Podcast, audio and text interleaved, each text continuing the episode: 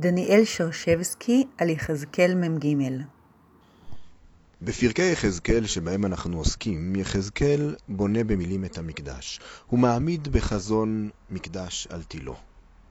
והנה בפרק מ"ג, כבוד אלוהי ישראל בא אל המקדש.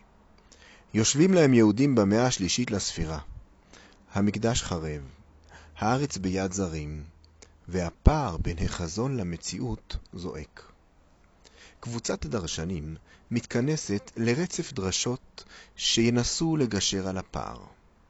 המדרש שלפנינו פותח ברעיון שקורבן עולה בא על הרהור הלב, על עניינים שבמחשבה.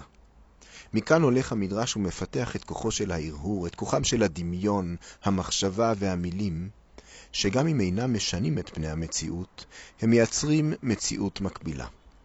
כך במדרש בויקרא רבה בפרשת צו, בפרשה ז', מעלה רבי אחא את השאלה האם יש טעם ללימוד ענייני הקורבנות בשעה שאין מקדש.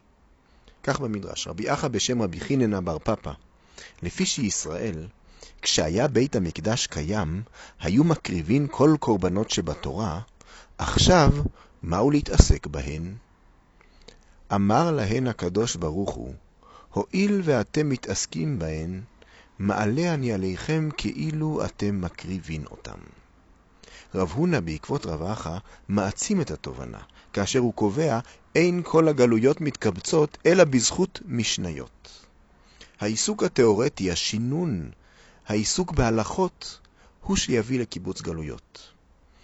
את סדרת הדרשות המבליטות את כוחו של העיסוק משלים שמואל. הוא מצטט את הפסוק מפרקנו הקובע, ואם נכלמו מכל אשר עשו צורת הבית, בהמשך נאמר הודה אותם.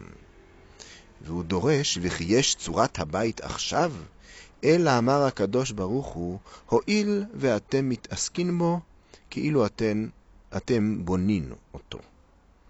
בעולם החז"לי, בית המקדש של יחזקאל אינו פנטזיה רחוקה.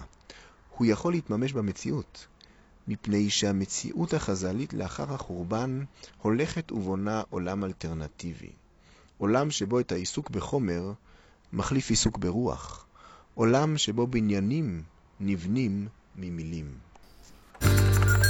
thank you